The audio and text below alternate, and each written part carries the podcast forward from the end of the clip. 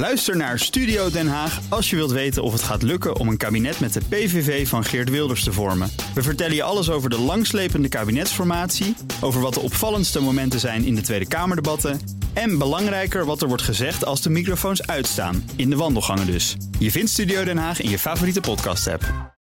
De column van Bernard Hammelburg. Vladimir Zelensky lijkt op een tovenaar die zijn staf heeft verloren. Alsof zijn magie verschrompelt. Wat moest dienen als een solidariteitsstunt, een bijeenkomst van de EU-ministers van Buitenlandse Zaken in Kiev, werd een verpakking zonder cadeau.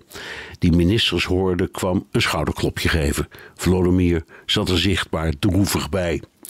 De EU, die zegt pal achter hem te blijven staan, telt inmiddels drie openlijke dwarsliggers: Hongarije, Polen en Slowakije.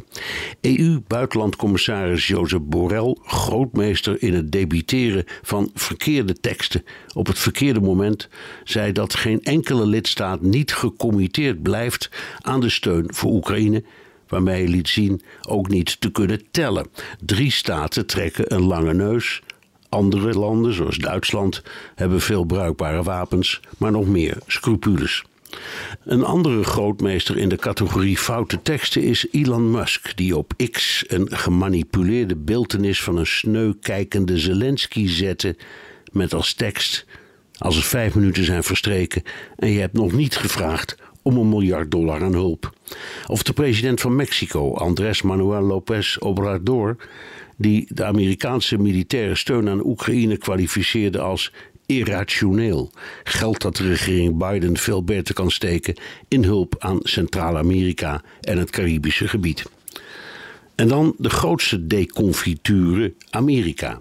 In de politieke loopgravenoorlog ter vermijding van een shutdown ging Joe Biden akkoord met het schrappen van een nieuw hulppakket voor Oekraïne een van de eisen van de radicaal rechtervleugel van de Republikeinse fractie. Komt wel goed, zei Biden nadat de eerste verbijstering door de Democraten en de bondgenoten was weggeslikt. En ja, de president heeft een soort eigen spaarpot en ik kan besluiten nemen per decreet. Maar hulp aan Oekraïne als vanzelfsprekendheid behoort tot het verleden. Het is een moment waarop politiek en strategie elkaar kruisen. Het Pentagon zegt: We hebben ongelooflijk veel materieel aan Oekraïne geschonken, maar er is nog maar 1,6 miljard dollar over van de 25,9 miljard die was gereserveerd om de eigen wapenvoorraad aan te vullen en geen budget om de tekorten aan te vullen.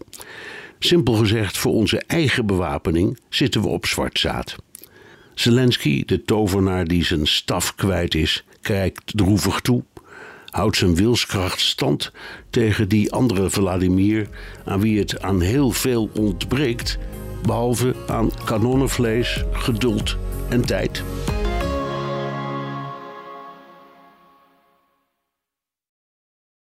Ook Bas van Werven vind je in de BNR-app. Ja, je kunt live naar mij en Iwan luisteren tijdens de ochtendspits. Je krijgt een melding van Breaking News. En niet alleen onze podcast Ochtendnieuws, maar alle BNR-podcasts vind je in de app. Download nu de gratis BNR-app en blijf scherp.